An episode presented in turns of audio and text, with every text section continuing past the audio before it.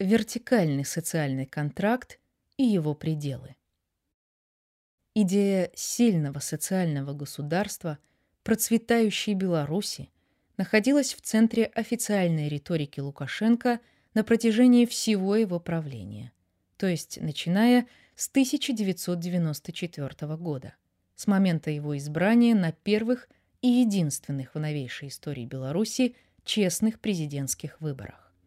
С одной стороны, под социальным государством понималось все лучшее – что Беларусь сохранила от СССР, а с другой его идея служила обоснованию государственного авторитарного патернализма. Именно в угоду такой модели государства была создана вертикаль власти. Централизованная система управления как на всех уровнях государственной власти, от исполкомов до прокуратуры, так и на уровне самых разных государственных институтов от детских садов до армии. Она же оправдывала широкомасштабное преследование политических оппонентов Лукашенко, которым не позволялось регистрировать политические объединения и партии, публично встречаться со своими сторонницами и сторонниками и, собственно, участвовать в политической борьбе на уровне парламентских и президентских кампаний на равных деятельность общественных объединений и негосударственных СМИ также находилась под постоянным контролем и испытывала давление со стороны государства. Им отказывали в регистрации, чиновникам законодательно запретили давать негосударственным СМИ комментарии. Со временем в Беларуси стало практически невозможно легально получать грантовую помощь из-за границы. Одним из важнейших механизмов поддержания этой модели стала новая редакция Конституции 1996 года, референдуму по принятию которой сопротивлялся последний в новейшей истории Беларуси независимый парламент. По сравнению с первой Конституцией независимой Беларуси 1994 года, эта редакция позволила Лукашенко занять положение над всеми ветвями власти – она наделила его правом распускать парламент, полномочия которого были также сокращены, формировать исполнительную власть, назначать почти всех высших судей в стране. Важнейшим инструментом такого правления стали декреты и указы Лукашенко. Принятие этих изменений сопровождалось общественным недовольством и протестами, что обернулось первыми жертвами – политических репрессий в Беларуси. В 1999 году бесследно исчезли политические оппоненты Лукашенко.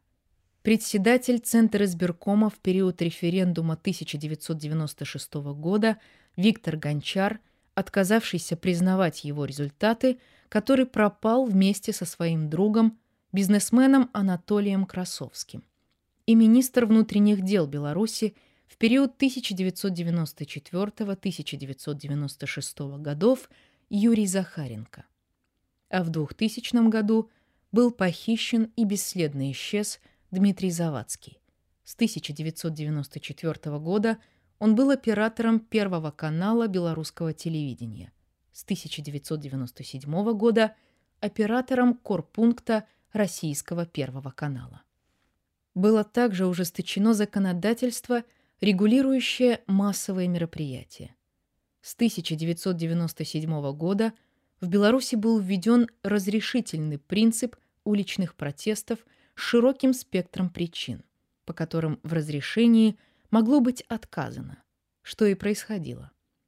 Далее требования к проведению митингов только ужесточались, апогеем чего стала поправка 2011 года – в закон 1997 года, требующая регистрации даже массового бездействия.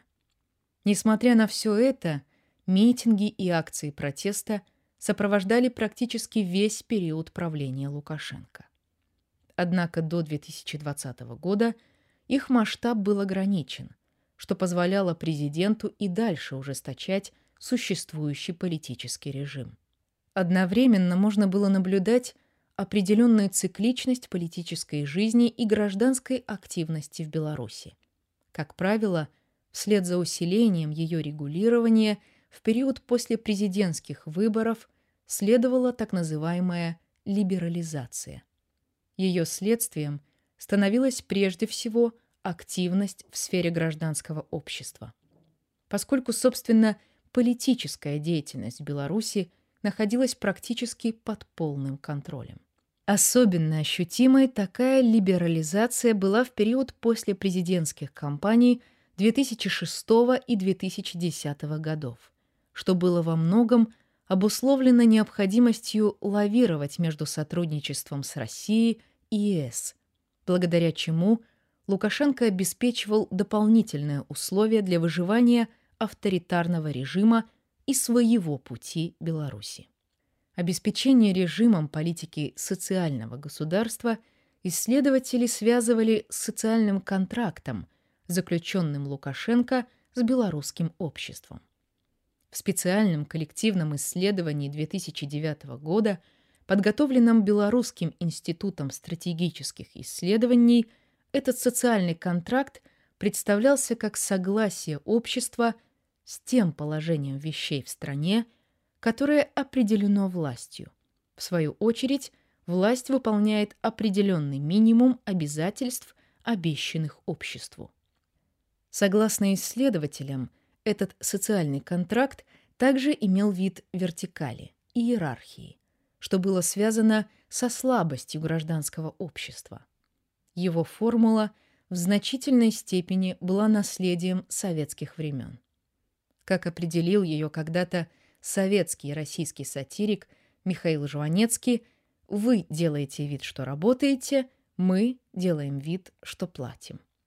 Белорусский философ Владимир Фурс – называл такую систему добровольно-принудительной, то есть основанной на том, что пользование системой социальной поддержки сопровождается лишением ряда политических прав, а также наличием механизмов принуждения к участию в определенных отношениях с государством. Например, посредством вступления в провластные организации в школах, университетах и на государственных предприятиях. Исследователи также отмечали, что в начале 21 века власть столкнулась с новыми социальными запросами, спровоцированными во многом политикой повышения доходов, которую проводило государство. Эта политика принудила власть с одной стороны сделать шаги навстречу экономической либерализации, а также начать поощрять открыто или скрыто трудовую эмиграцию и уход граждан в частный сектор. С другой стороны, как это показывают исследования еще одного белорусского исследовательского центра ИПМ, государству пришлось урезать расходы на социальные услуги, что сказалось на группах, которые не могли пользоваться благами экономической либерализации. Во второй половине десятых годов это сокращение выражалось в повышении тарифов на услуги ЖКХ, транспорта и связи, а также в фактическом замораживании пенсий и увеличении пенсионного возраста. Одновременно существующая система социальной защиты не предлагала инструментов, которые позволили бы сгладить это негативное влияние. Исследователи белорусского социального контракта – также выявили достаточно высокую степень недовольства им практически всеми группами населения.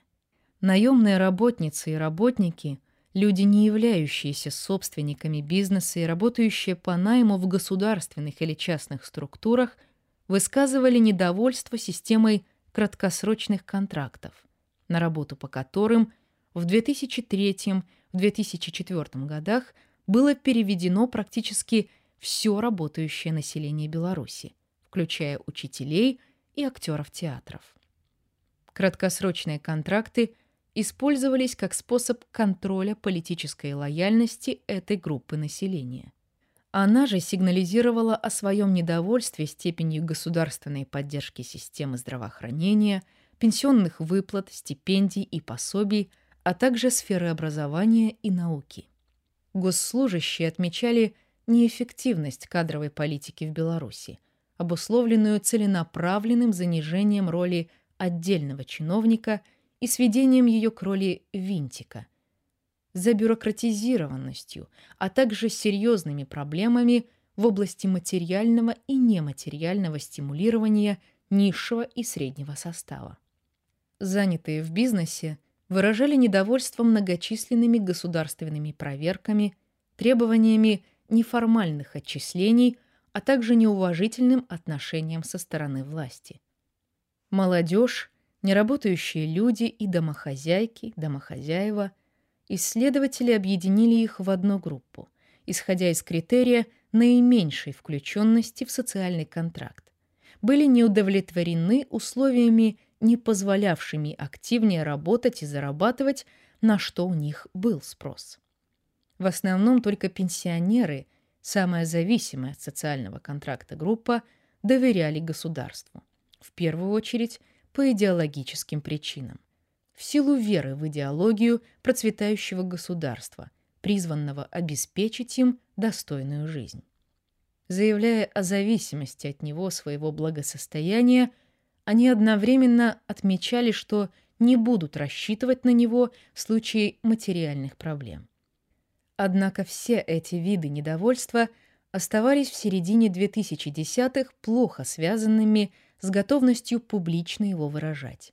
В первую очередь из-за недостатка солидаризации внутри каждой из групп. Предприниматели наиболее отчетливо демонстрировали понимание необходимости объединения. Однако во взаимоотношениях с властями продолжали руководствоваться интересами собственной выгоды – Одни группы удовлетворялись минимальными гарантиями в сочетании с заниженными ожиданиями, одновременно признавая мифический характер любых ожиданий в принципе. Другие, такие как госслужащие или студенты, научились извлекать преимущества из своего положения, хотя значительная часть его условий их и не удовлетворяла.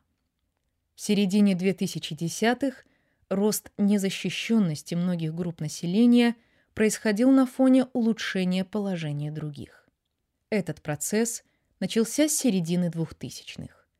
В связи с этим политолог Виталий Селицкий сделал вывод о повышении уровня жизни в Беларуси того слоя, который можно отнести к среднему классу. К этому же слою он отнес молодежь, получившую от государства новые возможности – для повышения социальной мобильности в обмен на политическую лояльность и неучастие в общественной жизни на стороне оппозиционных структур, а также творческую и медийную элиту. Третий референдум 2004 года, в результате которого Лукашенко получил возможность переизбираться неограниченное количество раз, привел к усилению политических репрессий. Во время президентских кампаний 2006 и 2010 годов оппоненты Лукашенко получили тюремные сроки. От пространства политического участия практически ничего не осталось, и вся продемократическая активность переместилась в сферу культуры и социальных проектов.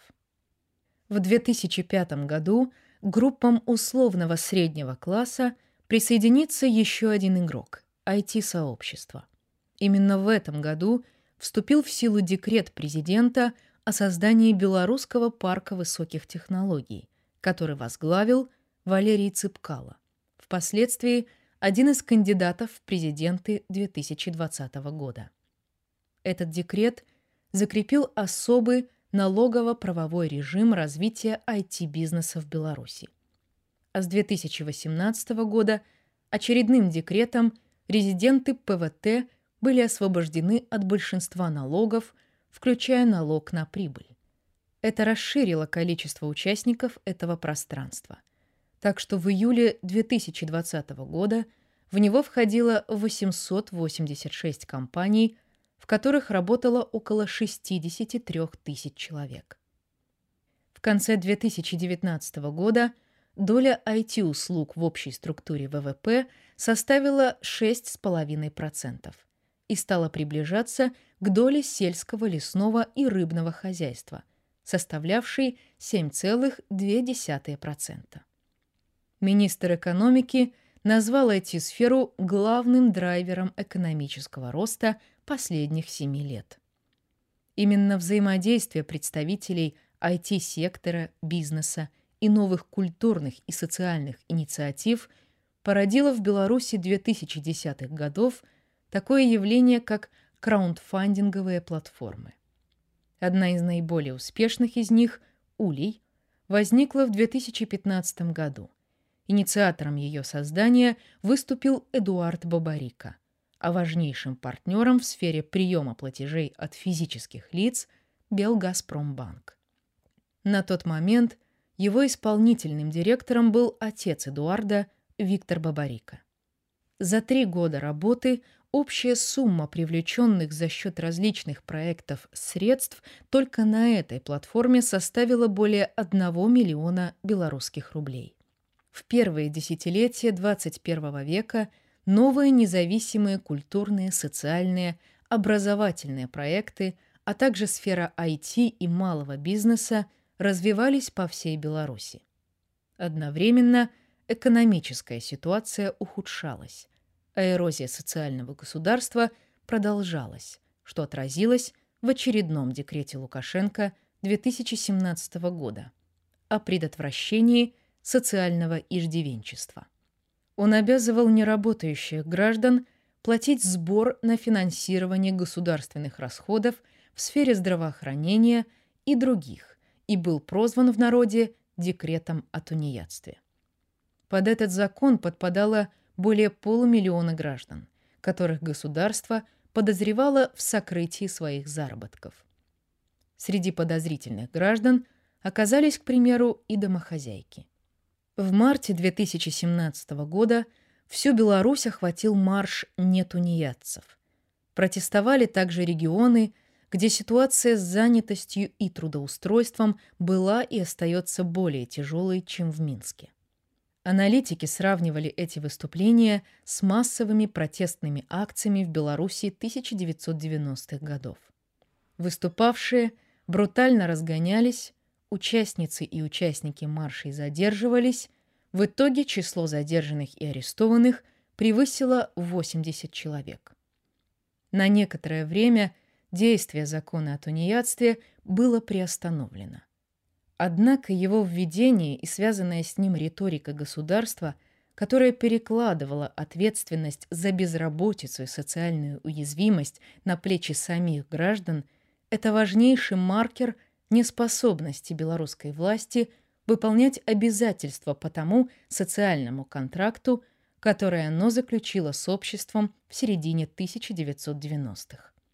Но и зарождавшийся средний класс – также упирался в своего рода стеклянный потолок, потому что никак не мог повлиять на базовые правила существования и развития в Беларуси бизнеса, культуры, социальной сферы.